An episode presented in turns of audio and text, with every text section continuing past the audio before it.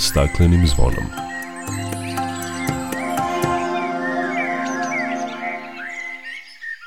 Dobar dan i dobrodošli na Zeleni talas prvog programa radija Radio Televizija Vojvodine. Ja sam Dragana Ratković. Vlada Srbije je usvojila uredbu kojom se prvi put propisuje način upravljanja građevinskim otpadom. Kako je u saopštenju navedeno, cilj je sprečavanje nastanka divljih deponija i stvaranje mogućnosti da se otpad koristi u građevinarstvu.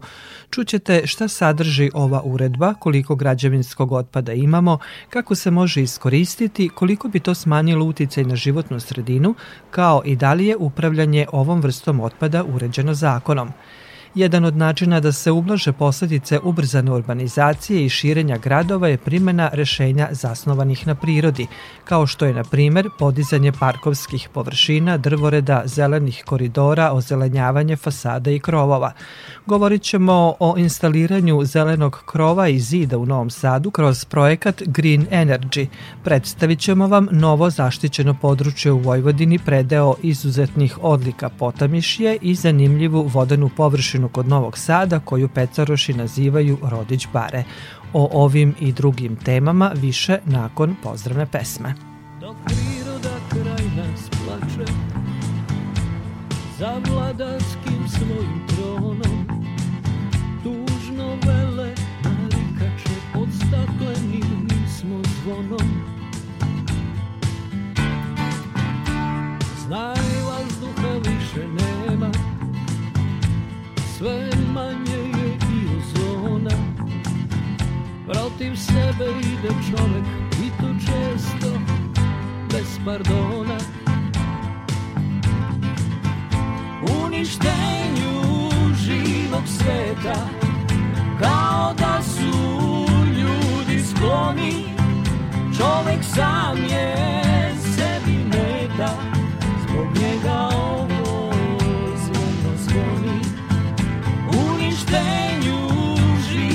sveta. Kao da su ljudi skloni Čovek sam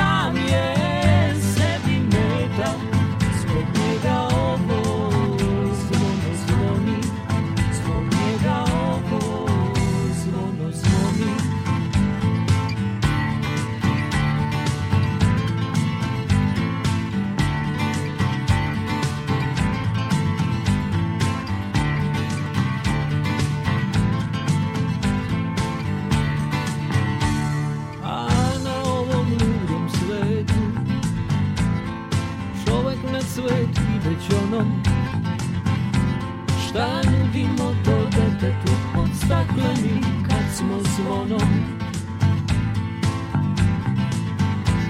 Uništenju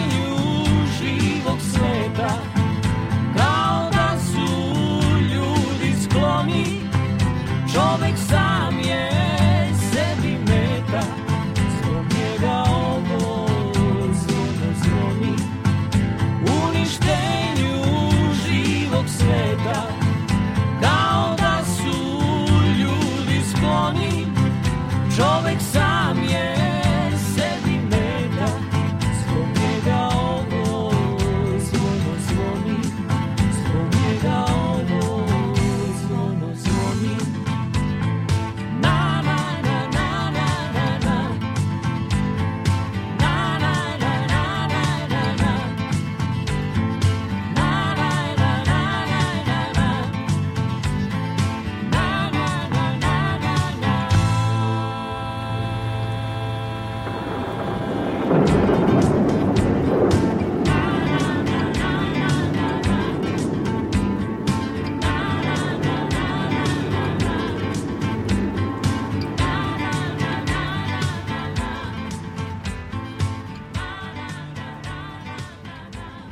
Vlada Srbije je usvojila uredbu kojom se prvi put propisuje način upravljanja građevinskim otpadom. Kako je u saopštenju navedeno, cilj je sprečavanje nastanka divljih deponija i stvaranje mogućnosti da se otpad koristi u građevinarstvu. Šta sadrži ova uredba, koliko građevinskog otpada imamo i kako se može koristiti, koliko bi to smanjilo uticaj na životnu sredinu, da li je upravljanje ovom vrstom otpada uređeno zakonom, O ovome, ali i nekim drugim detaljima u vezi sa upravljanjem građevinskim otpadom saznaćemo od predsednika Srpske asocijacije za rušenje, dekontaminaciju i reciklažu Dejana Bojovića.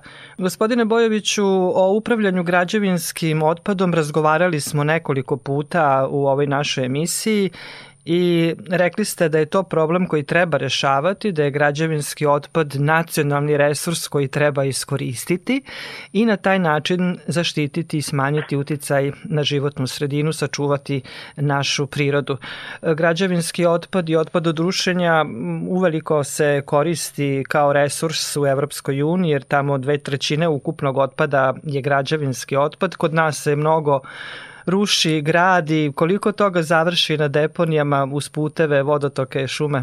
Mi imamo jedan strašan problem sa ovim novim vrstom otpada koji i nije otpad, to je resurs, a to je da ga nije bilo u zakonskoj regulativi do donošenja ove uredbe, odnosno do izmene i dopuna zakona o upravljanju otpada. Tada se prvi put pojavljaju, sve do tada je to bila jedna prazna priča, zato što se taj otpad tretirao kao komunalni otpad i sa njima su se prekrivale komunalne deponije tako da smo pravili duplo ništa. Novina i dobra stvar ove uredbe jeste to što konačno kao jedan prvi takav dokument, kao jedan istorijski iskorak u, u, u našoj zemlji jer menja navik i dosadašnju praksu i pravila i jeste u tome da to postaje resurs zato što smo dužni da recikliramo minimum 70% otpada od rušenja i građenja. S time što ovaj problem se sada malo baca i na lokalne samouprave, jer su one dužne da obezbede mesto i tako dalje i to će biti jedan bolan period u sledećih godinu, možda i dve dana, jer nemamo stručno zanimanja za ovu vrstu obavljanja delatnosti. Imamo neka ranije izdata rešenja pojedincima koji tive mogu da se bave, ali se sada javlja kao osnovni problem mesta za skladištenje ove vrste otpada, kao i način na koji će funkcionisati za dalje lokalne samouprave u, sa ovim materijalom i resursom, ali samim tim šta dobijamo time da nemamo ovakav način i tehnologiju rušenja koju smo imali do sada, zato što taj materijal mora da se na licu mesta selektuje. Imamo da više neće biti dozvoljeno, kazne će biti velike, da se baca gde god vidimo slobodan prostor. I tako ćemo smanjiti devastaciju naših zelenih površina. Moći ćemo više da utičemo na zaštitu zemljišta i zemljišnog sloja kao što je humus, i imat ćemo od toga jako velike benefite.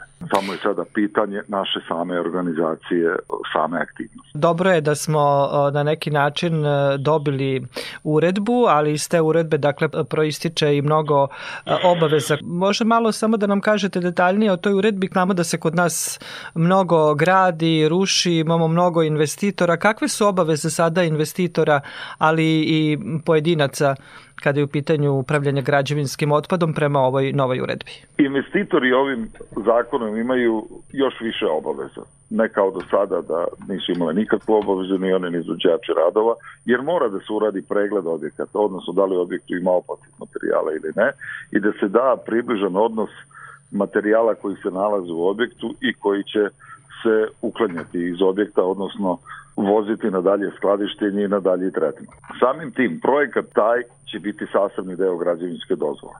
S druge strane, projekti rušenja, kakve smo imali do sada, više ne bi trebalo da postoji i ne treba da postoji iz razloga što je zakon o izgradnji i prostornom planiranju u koliziji sa sobom. Jer on biti nema rušenja kao operaciju, kao radnju. Rušenje ne postoji, a onda imamo da projekat rušenja može da radi firma sa velikom licencom i tako dalje i da imamo tehničku kontrolu rušenja, znači operacije koje u zakonu ne postoji i za koji nemamo odgovarajuću školsku spremu. To je ta neko pravilo koje je u ovom slučaju napisano, ali ne može da postoji jer kako da vam kažem, za nešto što ne postoji, ne možete da mu date neko određeno pravilo. Tako da će i to doći do izmene, pogotovo iz razloga što nemamo licence za tu vrstu zanimanja. I ne treba da postoje treba da budu sertifikovane firme koje to mogu da rade i da obavljaju i po našoj mišljenju ne bi da trebalo raditi odvojene projekte, već bi to trebalo da radi jedna firma taj projekat pregled objekata i sam projekat rušenja, da se izabere tehnologija, da se opasni materijali uklone iz objekta, a ne kao što je bilo u sadašnjeg praksa da imamo projekte gde možda nešto tako i piše i onda dođe bager, to polomi poruši za dva, tri dana i dobijamo zaista ništa, jer građevinski otpad u mešanom stanju nema nikakvu vrednost. On i zaista jeste otpad. Koliko takvog građevinskog otpada koji završi na našim deponijama? Čujte, to su ogromne količine. Mi imamo određene pokazatelje za grad Beograd i to je otprilike, ta količina je otprilike oko 10 miliona tona. Imamo velike infrastrukturne radove kada počnemo od izgradnje saobraćajnica, od pruga, od zamene kolovoznih traka u gradovima, trotoara, radova na komunalnoj i vodovodnoj infrastrukturi i tako dalje. Te količine su ogromne i mi te podatke ne možemo dobiti jer su njima ćuti. Ali vi sada kad krenete autoputem prema Subotici ili, ili vamo prema Šarcu, vidjet ćete ogromna brda ili prema Čačku, ogromna brda materijala koji je u svojoj biti otpad. Sada imamo još jedan problem, sada o, ovi problemi na Moravskom koridoru, da se vadi šljunak iz korita reka i da se oni zatrpavaju drugim materijalom, što je po meni krivično delo, to ne bi smelo da se radi. Svako prikriva količinu otpada, ne želi da je prikaže, ali to vidimo po devastiranom prostoru. Na, najlakše se to vidi u Vojvodini, koji je ogromna. I ovim se, u stvari, ovom uredbom se to zaustavlja, ovom uredbom počinjemo u stvari da stvaramo jednu novu industriju koja će se zvati reciklažna industrija, gde mi stvaramo novi materijal i da umesto da imamo ovoliki broj kamenoloma, umesto da vadimo toliku količinu peska i šljunka iz reka, u stvari da koristimo reciklirane materijale koje smo do sada bacali. Šta se možemo iskoristiti od tog građevinskog otpada koji sada završava na deponijama ili nalazimo tako bačenog pored puteva? Čujte, bukvalno sve. Zavisno od istorijskog perioda kada je objekat napravljen. Od krova kad krenemo, od pokrivke, od greda od kojih je izgrađen, od betona od kojih je izgrađen, od kablova koji prolaze tu, od cevi koje prolaze tu, od podova koji su tu parket ili drvo, bukvalno se sve iskorištava. Vrlo je važna odrazva da se selektuje materijal na licu mesta. O zemlji ne bih toliko trošio reči, jer zemlju možemo da iskoristimo i u niz drugih stvari, kao što su obala utvrde, Vojvodina je cela u depresiji. Mi vidimo kada se podigne vodostaj koliko je polja pod vodom.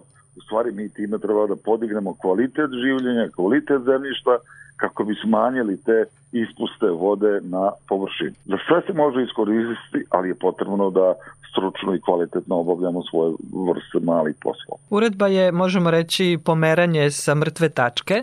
Mnogo toga još treba uraditi, ali uredbi je rečeno da je plan da do 2030. godine se reciklira 40% građevinskog otpada. Nemoguće je to ostvariti do tada, jer vi morate da kažete da lokalna samuprava ima period godinu, dve dana da donese opštinske odluke, odnosno lokalna samuprava, da odredi lokacije koje su opet potrebno uraditi niz projekata pre toga, da izda odluke same lokalna samuprava kako to da definiše, to nam je potreban period godinu, dve, mogu čak i tri godine. Onda imamo sledeću važnu stvar koju ova uredba nije do kraja rešila, one govore o upotrebi određenih modelnih postrojenja, misleći na drobilice koje nije reciklažna uređaj, to je mašina i oprema koja se koristi radi lakšeg transporta materijala, možda se koristi u onim primarnim nekim svrhavama, ali i to treba uraditi, testiranje proizvoda, jer je nemamo uh, standardizaciju radnji. Da bismo dobili u reciklaži atestirani proizvod, moramo da standardizujemo proizvodnju. Zbog toga se postavlja neka druga postrojenja i zbog toga to i jeste stvar da bude deo lokalne samouprave, da time jačamo lokalnu samoupravu, jer time dobijemo saradnji sa našim institutima, fakultetima i tako dalje, jedno vid novih proizvoda, jer je moguća kombinacija raznih materijala kako bismo dobili kvalitetan građevinski proizvod. Mislim da je taj rok od 40% što smo mi dali u akcijnom planu za upravljanje građevinskim otpadom, udrušenje građenja u gradu Beogradu je onako cilj koji je u ovom trenutku po nama nenadmašan jer je potrebna akcija celokupnog društva i mislim da naša ministarstvo dovoljno ne koordiniraju jedni s drugim, jer su jedne i s drugim uredbe su kolizije. Potrebni je koordinator, to u ovom slučaju Srpska asocijacija kao nacionalna asocijacija kao deo evropskih asocijacija. Kada ste već spomenuli Nacionalnu asocijaciju za rušenje, dekontaminaciju i reciklažu, ja moram da pomenem da vi svake godine organizujete godišnju konferenciju, tako će biti i ove godine, kraje meseca 29. novembra pod nazivom Dekonstrukcija i javni interes. Koje će teme biti na ovoj konferenciji zastupljene? Naziv je dekonstrukcija i javni interes baš zbog ovih izmena zakona, zbog toga što vidimo da se dosta stvari ruši na vrlo loš način, da imamo jako puno zauzetih teritorija od strane divljih deponije. A dekonstrukcija je jedan novi naziv, da ne govorimo o rušenju i uklanjanju objekata koje nemamo u zakonu, a dekonstrukcija je jedan lep izraz i zbog načina na koji se to može objekat skidati kao lego kockice, a i dekonstrukcija u smislu dosadašnjih loših navika, pogubnije prakse i ovih nepisanih pravila. Njih treba da uklonimo da bismo napravili taj javni interes koji bi trebao sve to da da od svega toga imamo korist. To prvi put neće biti međunarodna, jer evo ekskluzivno za vaš program da kažem da je sledeće godine u Beogradu Evropska konvencija za rušenje, dekontaminaciju i reciklažu da će se okupiti ceo svet, a ove godine ćemo mi, pošto su uredba je doneta, mi ćemo imati jedan pravni prikaz svih stvari po pitanju kako da obnovimo ovu industriju kod nas, biće inspekcijski nadzor i kako, na koji način se vrše, edukacija, bit će programi koje radimo zajedno sa Evropskom unijom kroz raz projekte kao što je master studije za inženjere za rušenje, dekontaminaciju i reciklažu. Imaćemo nagradu koju mi dodeljujemo kao nacionalno po prvi put, to je cirkularna ekonomija u građevinarstvu za rušenje, dekontaminaciju i reciklažu koji ulazi u takmičenje na evropskom nivou koji će se sledeće godine po prvi put dodeljivati u Beogradu, tako eto da počne jedna nagrada od nas. Tako da će to biti osvrt šta su naši članovi radili u proteklom periodu i na koji način su oni obavljali svoje aktivnosti. Biće novo projektovanje od strane naših eminentnih stručnjaka i profesora način na koji rešavamo divlje deponije, nesanitarne deponije su svi ovi projekti drugi se pokazali kao loši, to su i novi načini kako da dobijemo iz deponije kvalitet, a ne brigu i ona ima naučno stručni karakter sa osvrtom na edukaciju kadrova, što mislimo da je vrlo značajno. Da, to će svakako doprineti da se ovo pitanje upravljanja građevinskim otpadom malo izdigne, da se šira javnost upozna sa ovom problematikom. Naravno da će tome doprineti ova usvojena uredba vlade kojom se po prvi put propisuje način upravljanja građevinskim otpadom i to je, eto, da tako kažemo, pomeranje sa mrtve tačke i nadamo se da ćemo u narednim godinama više pažnje posvetiti ovoj problematici, jer kao što sam na početku rekla, Vi kažete da je građevinski otpad nacionalni resurs koji treba iskoristiti i smanjiti uticaj na životnu sredinu i sačuvati prirodu. Gospodine Bojoviću, hvala vam lepo za razgovor i učešću u programu Radio Novog Sada. Hvala vama.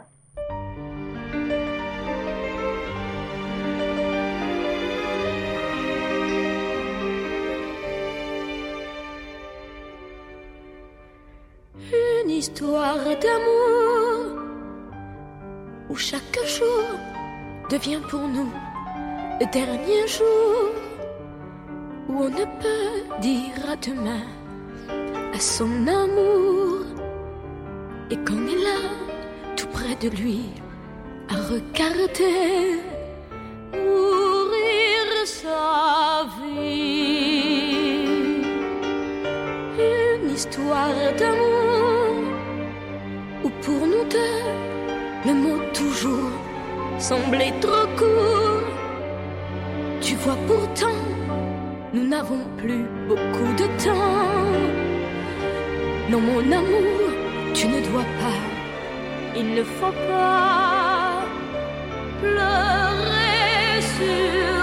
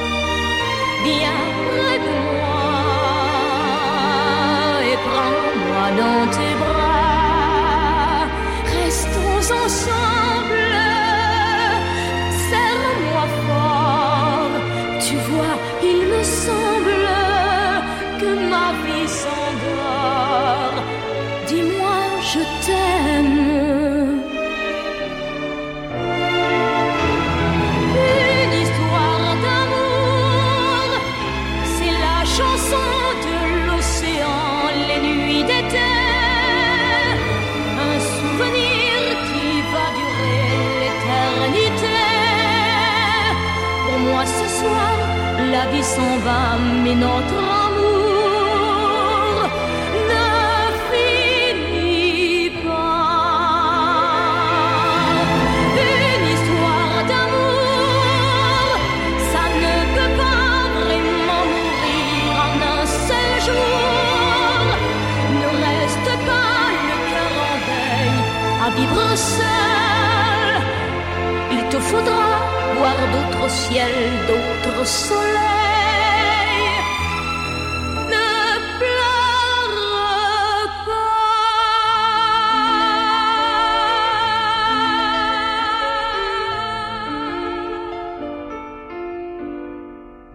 Slušate emisiju pod staklenim zvonom. Gradovi čine 1% svetske površine, a troše 78% energije i proizvode 60% ukupne emisije gasova sa efektom staklene bašte. Urbanizacija, posebno kada je nekontrolisana i neplanska, nosi sa sobom i probleme po životnu sredinu kao što su nedostatak zelenih površina, porast temperature, zagađenje vazduha, voda, uništavanje biodiverziteta, svetlosno zagađenje, buka, upravljanja otpadom. Dodatni problem u gradskim sredinama predstavljaju aktuelne klimatske promene koje izazivaju nepovoljne mikroklimatske uslove. Sve to utiče i na kvalitet života građana. U Novom Sadu je zabeležen fenomen toplotnih ostrva i razlika između rubnih delova grada i centra je čak i do 10 stepeni u zavisnosti od perioda godine i od doba dana. Trogodišnja istraživanja stručnjaka na Departmanu za geografiju, turizam i hotelijerstvo koji se bave urbanom klimom pokazuju da u Novom Sadu imamo 10 puta više tropskih noći nego van grada. Jedan od načina da se ublaže posledice je primjena rešenja zasnovanih na prirodi, kao što je na primer podizanje parkovskih površina, drvoreda, zelenih koridora, ozelenjavanje fasada, krovova. Prirodno-matematički fakultet, Departman za geografiju, turizam i hotelijerstvo bio je partner u prekograničnom IPA projektu Srbija-Hrvatska Green Energy, čiji je cilj ozelenjavanje gradova i razvoj energetske efikasnosti u pograničnim gradovima kao doprinos prilagođavanju klimatskim promenama. O tome sam razgovarala sa koordinatorom projekta na Departmanu za geografiju, turizam i hotelijerstvo, profesorom Stevanom Savićem. A rešenja mogu biti zasnovana na prirodi, to je ozelenjavanje, povećavanje zelenih površina, ali ono što se sada već radi u svetu, tako urbanim sredinama, to je ozelenjavanje iz grada i krovova. Vi ste radili jedan prekogranični projekat Green Energy koji je pokazao jako dobre rezultate. Rešenja nikad ne mogu potpuno da saniraju. Dakle, ovo sad što je izgrađeno, to je gotovo.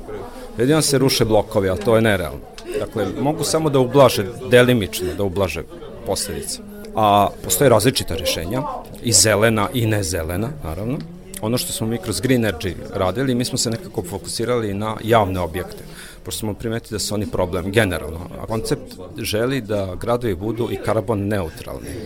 Dakle, da nema više emisije ugljen dioksida ili da ima minimalno, pošto je neka procena da od celokupnog ugljen dioksida gradovi odaju oko 70 procenata. Dakle, mi smo kroz taj Green Energy izrelili na dva javna objekta u Osijeku Novom Sadu da damo pilot primere, primene rešenja zasnovna prirodi kroz zeleni zid i zeleni krov, ali takođe i da te objekte učinimo energetski efikasnijim, dakle da oni manje troše energije, jer onda smanjimo CO2. Tako da je to dvostruki efekat. U Novom Sadu smo u školi Milan Petrović, to je najveća škola, nije ona stara škola, ali je dosta energetski neefikasna. Tako da je taj zeleni krov, na primjer, imao efekat pogotovo za tu salu za fizičko, tamo je samo ovaj stavio, to je velika površina 480 kvadrata. Zeleni zid nije velike površine, pošto je to velika zgrada, on nekako ima više, smo želeli da to bude promotivno, da i taj zeleni zid može da bude izolator dobar, pa da se može primeniti.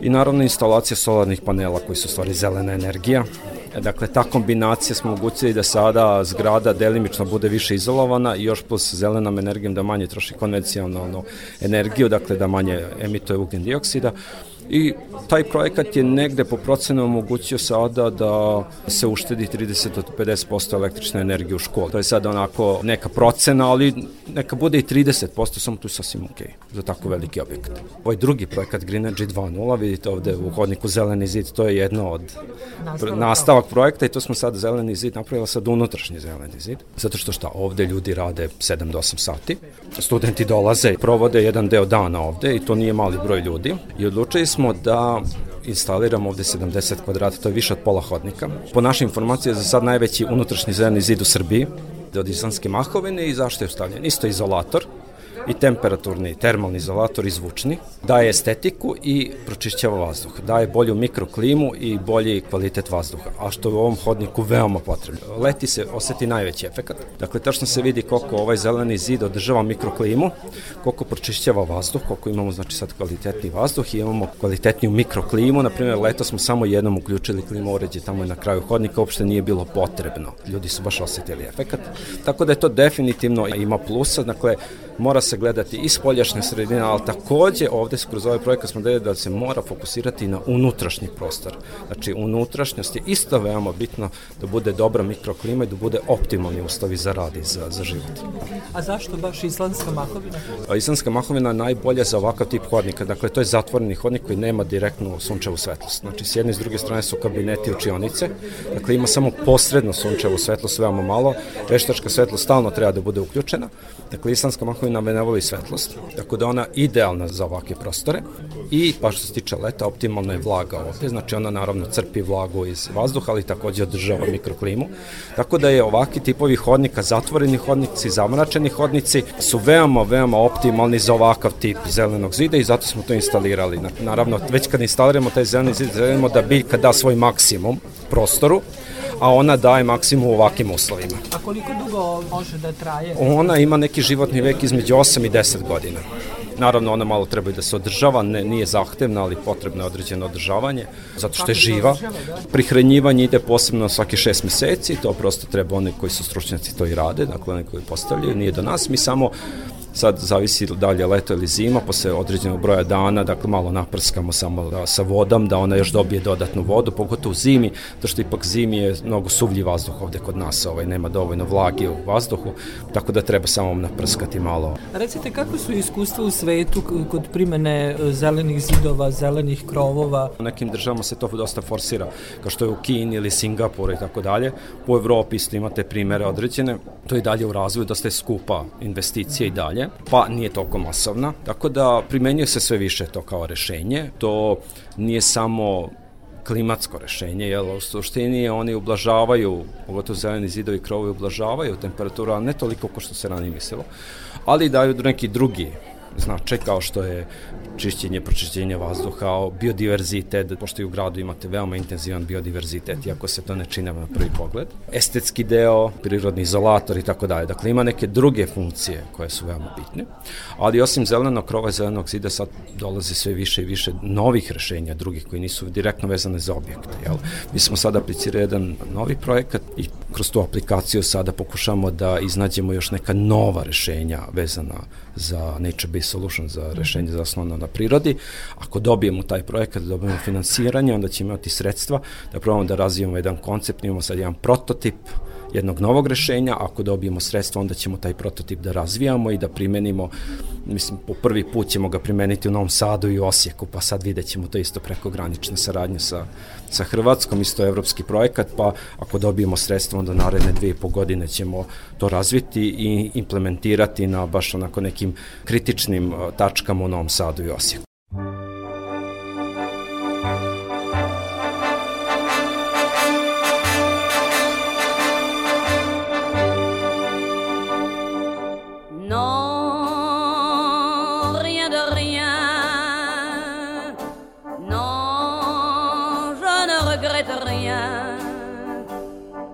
le bien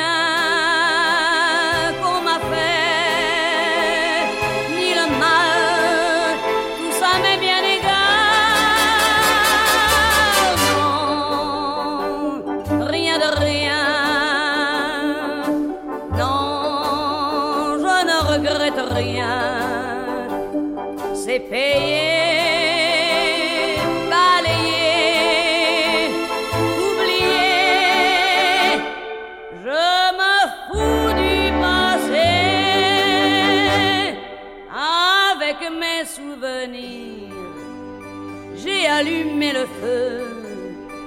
Chagrins, mes plaisirs, je n'ai plus besoin de balayer les amours avec leur trémolo. balayé pour toujours. Je repars à zéro.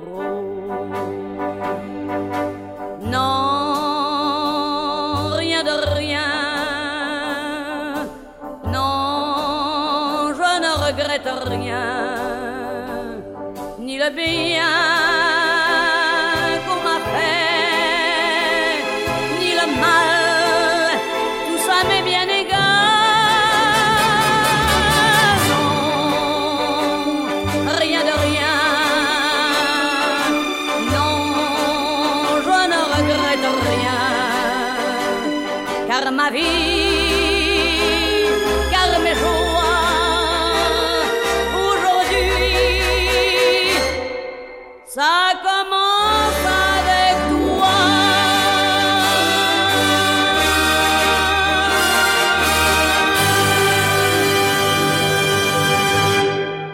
Slušate emisiju pod staklenim zvonom.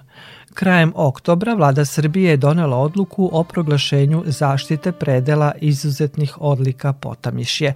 Pokrajinski zavod za zaštitu prirode je izradio studiju zaštite na osnovu koje je doneta uredba o proglašenju.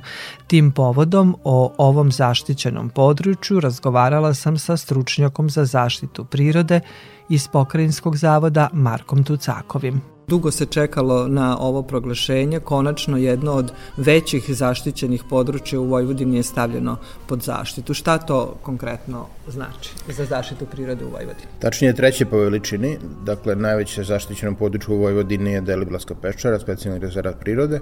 Nakon nje po veličini sledi Nacionalni park Fruška gora i ovo područje Potamiše je treće. Reč je o nešto malo više od 22.000 hektara očuvanih staništa uz reku Tamiš od mesta gde Tamiš ulazi na teritoriju Republike Srbije pa do Brane kod Opova, nekih 80 km toka Tamiša i poplani područja koje se nalazi uz njegove leve i desne obale sadašnjih, još uvek plavljenih i oni koji su nekada bila plavljena, a nasipon za odbranu od poplava su odsečena od toka Tamiša. Tamiš je jedna još uvek prilično divlja reka, jednim delom potpuno neregulisana, između Tomaševačke i Opovske brane. Pokrajinski zavod zaštitu prirode e, je prilično davno uradio jednu sveobuhvatnu analizu i valorizaciju vrednosti tih staništa, izradio studiju zaštite u jednoj visokoj kategoriji ova područje je proglašeno, dakle to je e, prva kategorija zaštićen područja od međunarodnog, odnosno izuzetnog značaja. To znači da od sada, od kraja e, oktobra kada je proglašeno i donesena uredba o proglašenju, imamo područje koje ima veliki prirodni potencijal i prirodni potencijal znači potencijal i za područje na kojem se nalazi, pre svega za različite prirodi bliske oblike korišćenja, ali isto tako i puno donosi celom sistemu zaštite prirode. Po puno parametra Potamiše je najvažnije močvarno stanište koje imamo u Srbiji i kada se gledaju strogo zaštićene vrste i obim staništa i očuvanost sada je zaista na, na ovom društvu kada je dobilo tako visoku kategoriju zaštićenog područja da se to očuva i unapredi koliko god je to moguće. Koje su to vrste koje su zaštićene i strogo zaštićene obitavaju na ovom prostoru? Moram da krenemo od ptica, najlakše je obično e, se tako i radi. Područje prepoznati na osnovu strogo zaštićenih vrsta ptica, one su vidljive i najpopularnije. 11 vrsta strogo zaštićenih vrsta ptica, to su pre svega ptice vodenih staništa, ovde imaju najvažnije populacije u Srbiji, a neke od njih i regionalno. Pre svega tu su kolonije vodenih ptica čaplje, kašikare, ibisi, kormorani koji se obično gnezde zajedno, takvih lokaliteta ima čak 30. U nekima se gnezdi 11 različitih vrsta ptica. Najveća kolonija u Srbiji se nalazi na ovom području, to je kod Barande i pojedinim godina ima preko 1000 parova različitih vrsta ptica. Jedno od dva, tri lokaliteta u Srbiji i najvažniji se nalazi za ražnja ili ibisa se nalazi takođe u Potamišu, znači imamo dve velike kolonije ibisa. Tu su različite druge ptice vodenih staništa, ovo područje služi za ptice tokom prezimljavanja takođe, a koliko se stajaće vode ne zamrznu, tu se skuplja preko 60.000 jedinki ptica. Za brojne druge vrste koje su možda manje poznate, a nalaze se na crvenim listama i nacionalnoj i međunarodnoj crvenoj listi, ovo područje je takođe od velikog značaja, budući da su one same visoko na crvenim listama. I tako dalje i tako dalje. Kada su u pitanju sisari, tu imamo nekoliko bitnih velikih kolonija tekunice, redovnu posetu e, Vukova, znači iz e, Rumunije tu se redovno viđaju Vukova. Imamo jedinu, rekao bih, vanšumsku populaciju jelena, divlju populaciju jelena, koja ne živi u pešari pa dođe tu, nego zaista tu obitava i to što je vrlo neobično u poljoprivrednom okruženju. Imamo redovno prisustvo risa, to takođe dobijamo sa Karpata. Tu su vidra i dabar koji su standardni za ovakva područja. Kuriozitet, imamo četiri dobra nalazišta tiskog cveta, dakle reč je o insektu koji je ovako prilično popularan. Nije tamiški cvet, dakle ista ona vrsta koja obitava i na tisi, roji se takođe i na tamišu i tako dalje. Znači, zaista, kada je u pitanju flora, to takođe moram istaći, za mnoge vrste ovo je ili jedini ili najvažniji lokalitet u Srbiji. Borak, to je jedna strogo zaštićena vrsta koja je plutajuća na, na vodi. Ovde ima sastojene koje su vjerojatno najgušće u Evropi. Prostiru se na preko 200 hektara u okolini Sakula. Tako nešto, zaista kolega, kad mi pokažemo, nikada nisu videli. Reč je o izvanrednom području. Znači, treba imati u, u vidu to da se ono održava i da ono postoji ovako zahvaljujući tome što su tamo redovne poplave i što postoji područje gde, gde se Damiš može, a to je između ove dve brane, sigurno razliti, a da ne nanosi nikakvu štetu okolnim naseljima. To je jako bitno znati, znači možemo ovo područje koristiti kao dobra primer, gde su naselja građena na, u gornjim delovima lesnih platoa, a ne unutar poplavnih područja, tako da možemo sa sigurne udaljenosti gledati prirodne procese kao što su poplava. Ono što je najvažnije, dakle, učinjen je prvi korak, stavljeno je područje pod zaštitu, a sada ono što sledi to su aktivnosti upravo na očuvanju svega onoga o čemu ste sad govorili. Uredba o zaštiti je jedan pravni dokument to je manje više najvažniji dokument e, u odnosu na zaštićena područja i osnovni dokument prema kojem mora da postupa i upravljač i korisnici i na kraju krajeva i stručne institucije kao naša. Ona donosi nekoliko rešenja za ovo područje, pre svega trostepenu zaštitu unutar samog područja. Prvog je prilično malo, reč je o jednoj e, vrlo očuvanoj mrtve kod, kod Šurija u opštini Sečanj ali drugi i treći stepen zaštite su vrlo značajni ako i za pojasniti. Drugog stepena zaštite ima gotovo 60%, obično je tih područja mnogo manje a preostalo je treći stepen zaštite. Zbog čega je tako? Pokrenjski zavod zaštitu prirode predložio, Ministarstvo za zaštitu životne sredine prihvatilo, da sve otvorene travnate površine pašnjaka, e, livade, šumostepa i stepa, slatina takođe, slatinskih pašnjaka, poplavnih pašnjaka, uđu u drugi stepen zaštite kao de facto jedno od najvrednijih lokaliteta, odnosno staništa koje imamo na tom području i koje još uvek opstaje i razvija se zahvaljujući ekstenzivnom stočarstvu. To je ono što je potrebno zaista i zaštititi, dugoročno osigurati različitim merama koje su uredbom propisane da takva područja opstanu. Naime, nigde više nemamo toliko otvorenih pašnjaka, toliko očuvanih i starih tradicionalnih oblika pašarinja kao što je to tamo. Još uvek oko 12.000 grla stoke svako jutro izlazi, svako veče se vraća Dakle, imamo e, stoku koja se drži na otvorom, pre svega goveda i, i ovce. To je ono što potamiše drži živim. Naravno, tu su i vodena staništa, koje su takođe većim delom u drugom stepenu zaštite i nešto malo manje u trećem, uz plantaže topola. Za svaki stepen zaštite postoje zakonski i uredbama određene mere zaštite i konačno proglašenje upravljač, to je javno vodoprivredno preduzeće Vode Vojvodine koje je zaduženo da sprovodi mere zaštite, da kontroliše njihovo sprovođenje, da zajedno sa ovom kućom i inspekcijskim organima kontroliše na koji način se to sprovodi i pomože u sprovođenju zakonom propisanih mera ukoliko se ne sprovodi, da donese plan upravljanja, da se taj plan upravljanja odobren inače i ministarstva posle sprovodi i mi se nadamo da doprinese sveukupnom unapređenju ovog zaštićenog područja.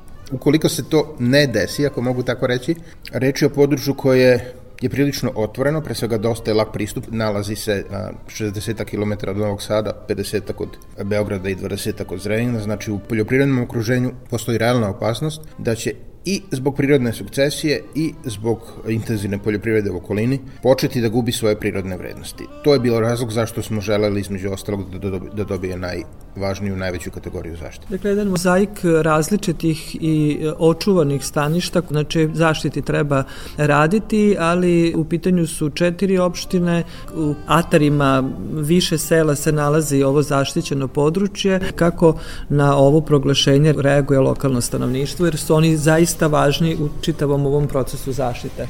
Pa pre svega u vremenu kada smo radili studiju zaštite, a S obzirom na to da je sastavni deo studije zaštite i sveobuhvatna analiza zainteresovanih strana i korisnika područja, mi smo obišli sve i lokalne samouprave i lokalne zajednice na ovom području i razgovarali sa njima. Moram priznati da je to bilo pre deseta godina. Tada se čekalo proglašenje u relativno kraćem vremenskom periodu nego što se to desilo. Ipak i sa druge strane, imajući u vidu da smo ostali u komunikaciji zbog prirode svog posla sa većinom od njih i posebno sa onima koji vode lokalne samouprave, i dalje se potemiče svata kao važan razvojni resurs. Umeđu vremenu je bilo mnogo projekata, dosta njih finansirano strane Europskih, Europske unije, pošto je to i prekogranična reka, to ne treba zaboraviti, najveći deo, dve trećine u Rumuniji i povezivanje aktera iz Rumunije i Srbije je vrlo intenzivno. Tamo se planiraju biciklističke staze i nekoliko drugih važnih inicijativa, a prilično veliki broj lokalnih takođe našlo svoje mesto na ovom području. U Potamišu još uvek živi relativno puno ljudi, znači u tih 17 mesta koje gravitiraju samom toku reke i zaštićenom području živi preko 30.000 stanovnika, u lokalnim saupravama još više. I imaju određene interese na tom području, kao što sam rekao, stočarstvo je nešto što bi trebalo biti prepoznato zaista kao najvažniji resurs i tome se uh, u budućnosti nadam, ali tu su i različiti mali biznisi, to je pre svega turizam. Reč je o području na kome se nalazi sedam ekstenzivnih ribnjaka, uključujući i one koje služe sada samo za sportski ribolov. To je takođe prilično veliki resurs i kada su u pitanju ove aktivnosti i eventualno posmatranje ptica, zaista tamo ima šta da se vidi. Tako da naša je ocena da zaista jeste dobro prihvaćeno i budući da područje nije nepoznato, evo ja ću napomenuti jedan podatak, pomenuo ga je i Mihajlo Pupin, koji je rođen u Potamišu, on je iz, iz Idvora kao što to znamo, u svojoj autobiografiji od pašnjaka do naučenjaka, koju svi znamo, jedna od najpoznatijih autobiografija u našoj književnosti i ti pašnjaci kojima je on tada hodao, a to je bilo pre oko 170 godina, i dalje su ostali manje više netaknuti. Na zapažanje Pupinova su nama praktično i pomogla da na neki način damo identitet tog područja. To je područje koje, kada su u pitanju i kultura i istorija vrlo značajna, ne samo zbog Pupina, nego i zbog Uroša Predića koji je tamo rođen, brojnih drugih ličnosti, tako da imamo jedan resurs ovako koji možda do sad nije bio na ovaj način prepoznat. Mi smo teli i uspeli zajedno sa ostalima naravno da mu damo i ovu notu prepoznavanja na, na osnovu identiteta prirode, pa hajmo da vidimo kako će to da uspe. Mislimo da zaista u zaštiti prirode se desila velika i pozitivna novina. Procenat zaštićenih područja je značajno povećan, dakle sa, sa ovako velikim proglašenjem, to je takođe bitno reći. Koliko je sad procenata? U Vojvodini smo došli blizu 10, tako da sada predajemo loptu ipak upravljaču zaštićenog područja. Dalje. Još jedan biser među zaštićenim područjima Vojvodine koji doprinosi, malo pre smo govorili, celokupnoj zaštiti prirode od nas. Hvala vam lepo za razgovor. Molim.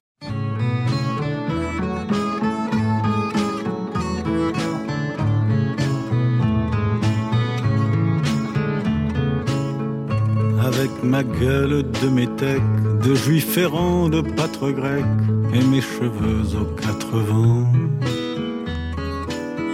Avec mes yeux tout délavés, qui me donnent l'air de rêver, moi qui ne rêve plus souvent. Avec mes mains de maraudeurs, de musiciens et de rôdeurs qui ont pillé tant de jardins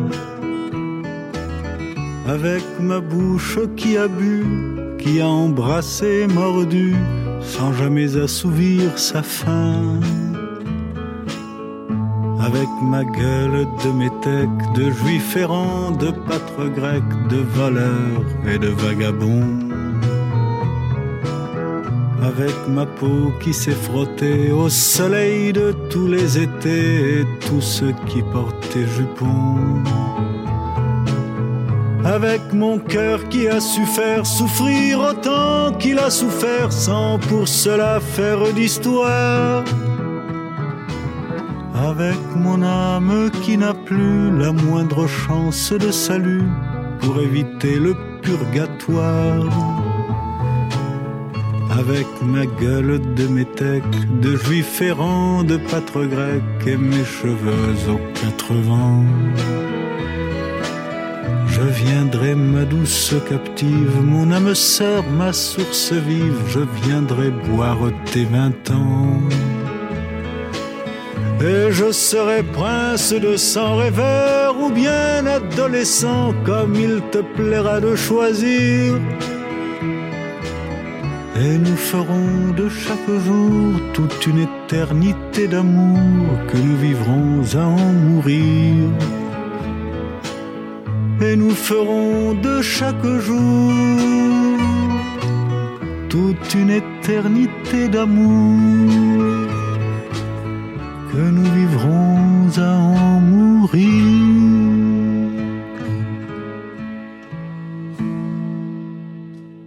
Slušate emisiju pod staklenim zvonom.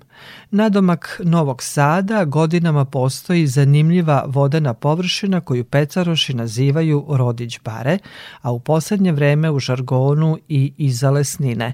Prostire se na površini od nepuna 2 hektara, a ono što odlikuje ovu baru su bogatstvo raznovrsnim ribljim fondom, pticama i barskim rastinjem, gde preovlađuje trska.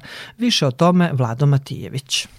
Svi koji su posetili ovu vodu iznenađeni su njenom čistoćom i bistrinom. Po svemu sudeći, voda je podzemna žila profiltrirana peskom koji se nekada vadio na ovim terenima.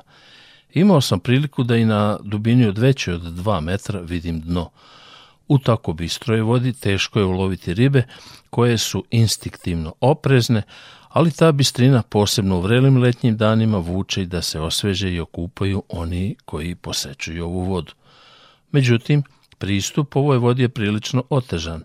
Nekada se sa autoputa posle megamarketa Rodić moglo skrenuti kolima i preko peščanih dina put je vodio do same vode. Danas je na tom mestu veliki tržni centar Lesnina, a severni deo bara zatvoren je ogradom. Tako je otežan pristup ovim barama osim peške. Mihalj Mišika Pinter – koji redovno dolazi da peca na ovoj bari, ukazao nam je i na jedan alternativni prilazak ovoj vodi.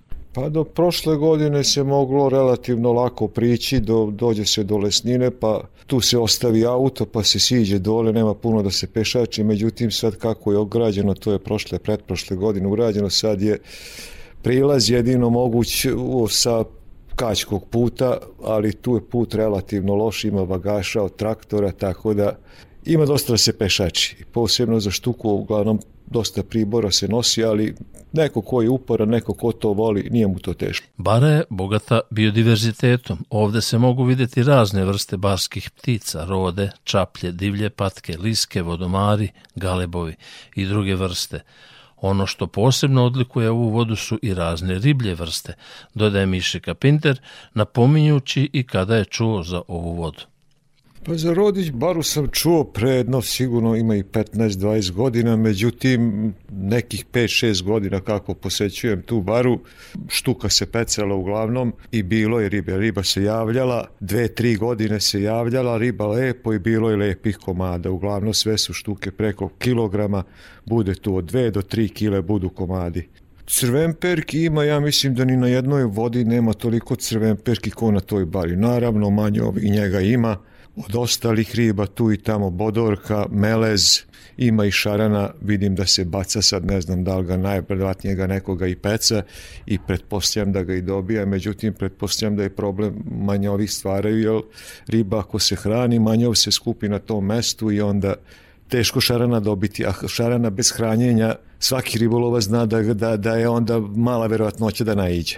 Imao sam priliku da boravim na ovim terenima koji su me pri prvom obilasku podsjetili na pravu englesku komercijalu, a kada sam dobio veliku štuku na Mepsa, sreći nije bilo kraja. Mišika uglavnom peca štuku i to starom i proverenom tehnikom na živi mamac. Otkrio nam je tajnu, što ribolovci redko čine, koji je njegov omiljeni mamac za štuku. Na živi mamac pecam, uglavnom ako uspem da uhvatim crven perku na crven perku, ako ne onda na meleščiće. Sad kad dođe hladnije vreme, kad štuka krene, onda je crven perka legne, tako da je teško uhvatiti najlakše na meleza, pošto njega može, može dugo da se održi u životu. A crven perka u, u kanti neku ili već u nekom buretu kratkog je veka, što bi rekli, posle dva, tri dana ugiba, a melez može da živi po mesec, dva, tri u, u, u nekoj posudi, kadi, buretu. Atila Rozmaring takođe je strastveni pecaroš. Najviše peca babuške, ali nađu se tu ponekad i dosadni cverglani. I on ima svoje male tajne koje posle ovog priloga to više neće biti.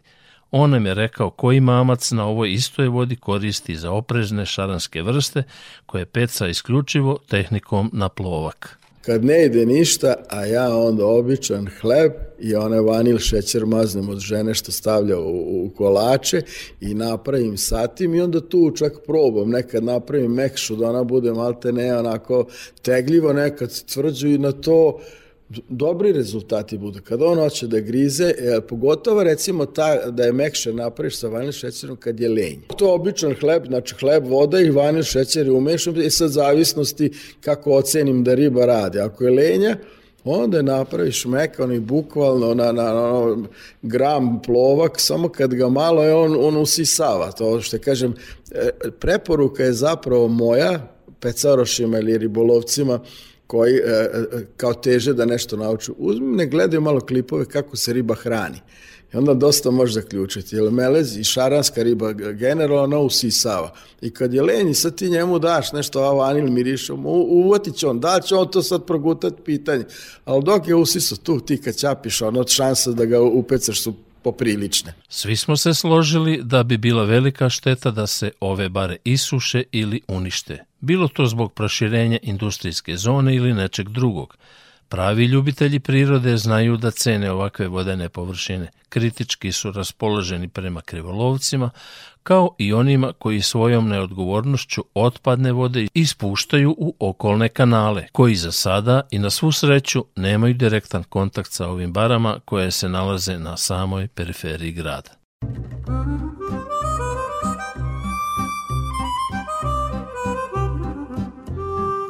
Slušate emisiju pod staklenim zvonom.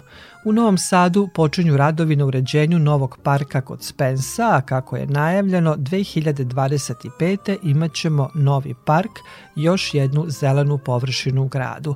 Pokrinjska vlada je veoma brzo reagovala na zahtev grada Novog Sada da se uredi park kod Spensa i izdvojila novac za izgradnju, dok je grad obezbedio finansijska sredstva za pripremu projektne dokumentacije i za nadzor.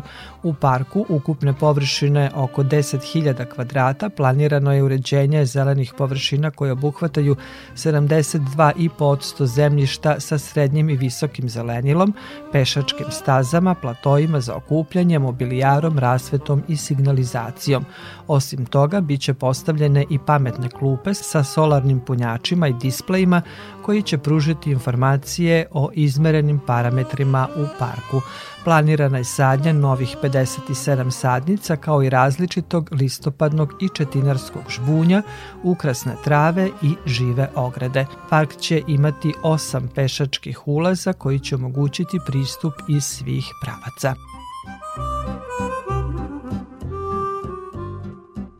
A na ozelenjavanju u lokalu rade i đaci osnovne škole Miroslav Antić i srednjoškolci poljoprivredne škole u Futogu, čiji je cilj da naprave zelenu učionicu. Plan je da početkom decembra posade sadnice, zelene dvorište škole na radost mladih futožana, izjavila je za naš program koordinatorka Eko tima učiteljica Snežana Milovac. U ovo vreme kada se nalazi oko nas svih beton, a u našem Futogu nažalost nema ni jednog parka, mi smo došli na ideju da u našoj školi koja ima izuzetan prostor napravimo jednu lepu priču da će naša deca imati i puno svežeg vazduha i konkretan dodir sa prirodom. Biće to jedan mali park u okviru koga će biti i učionica na otvorenom i edukativni centri i naravno stabla o kojima će deca voditi računa, a rasadnik će se desiti tek kasnije kada nam se zeleni pojas formira. Projekat će biti realizat do kraja prve sedmice decembra. Biće to svečana sadnja, sve je organizovano. Recimo, reći ću vam da će biti jedna sadnica ginka lepog, hrast lužnjak, neizostavno, da će biti biljke koje kroz godišnje doba deci pričaju neku priču, da su to biljke koje su vrlo stručno odabrane, koje nisu alergeni i koje nemaju neke bobice koje bi recimo za decu bile rizične. Tako da se o svakom detalju potpuno vodilo računa. Nabavka biljaka je već odrađena, mi očekujemo isporuku iz rasadnika već krajem iduće sedmice i posljednja sedmica novembra ili prva sedmica decembra je planirana sadnja koja će biti istog dana za sva odeljenja Organizovano je iskopavanje rupa, organizovana je podela sadnica, oni tačno znaju ko će koju sadnicu posaditi, oni su obavezni da brinu o njoj, tako da će svako odeljenje, 30 odeljenja, 30 sadnica, imati obavezu da brine o svom i naravno ostalim, ali posebno o svom sadnici ili drvetu.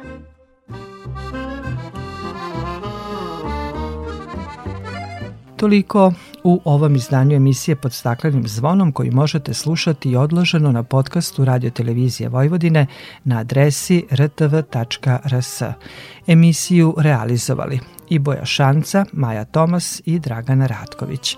Naredni susret zakazujemo za sedam dana u isto vreme na zelenom talasu prvog programa radija Radio Televizije Vojvodine.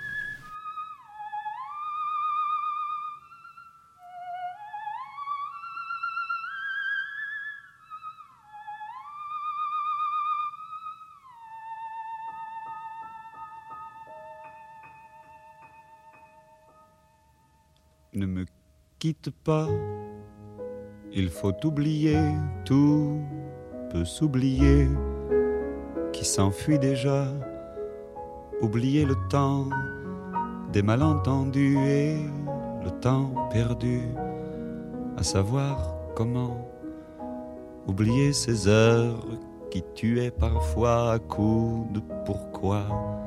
Le cœur du bonheur ne me quitte pas ne me quitte pas, ne me quitte pas, ne me quitte pas. Moi, je t'offrirai des perles de pluie venues de pays où il ne pleut pas. Je creuserai la terre jusqu'après ma mort pour couvrir ton corps d'or et de lumière. Je ferai un domaine où l'amour sera roi, où l'amour sera loi, où tu seras reine. Ne me quitte pas, ne me quitte pas, ne me quitte pas, ne me quitte pas.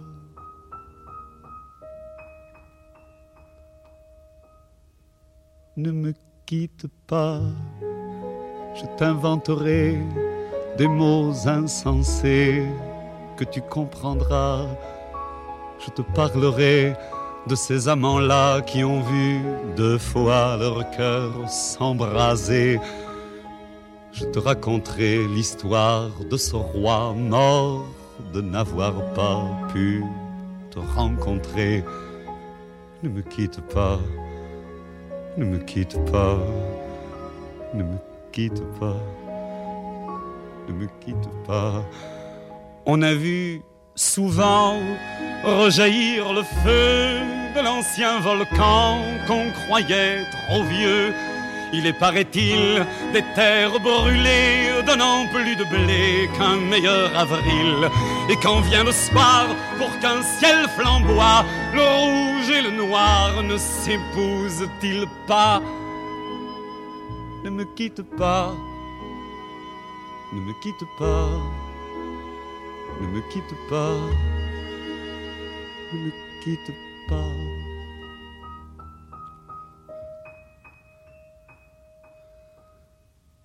Ne me quitte pas, je ne vais plus pleurer, je ne vais plus parler, je me cacherai là à te regarder danser et sourire t'écouter chanter et puis rire. Laisse-moi devenir l'ombre de ton ombre, l'ombre de ta main, l'ombre de ton chien.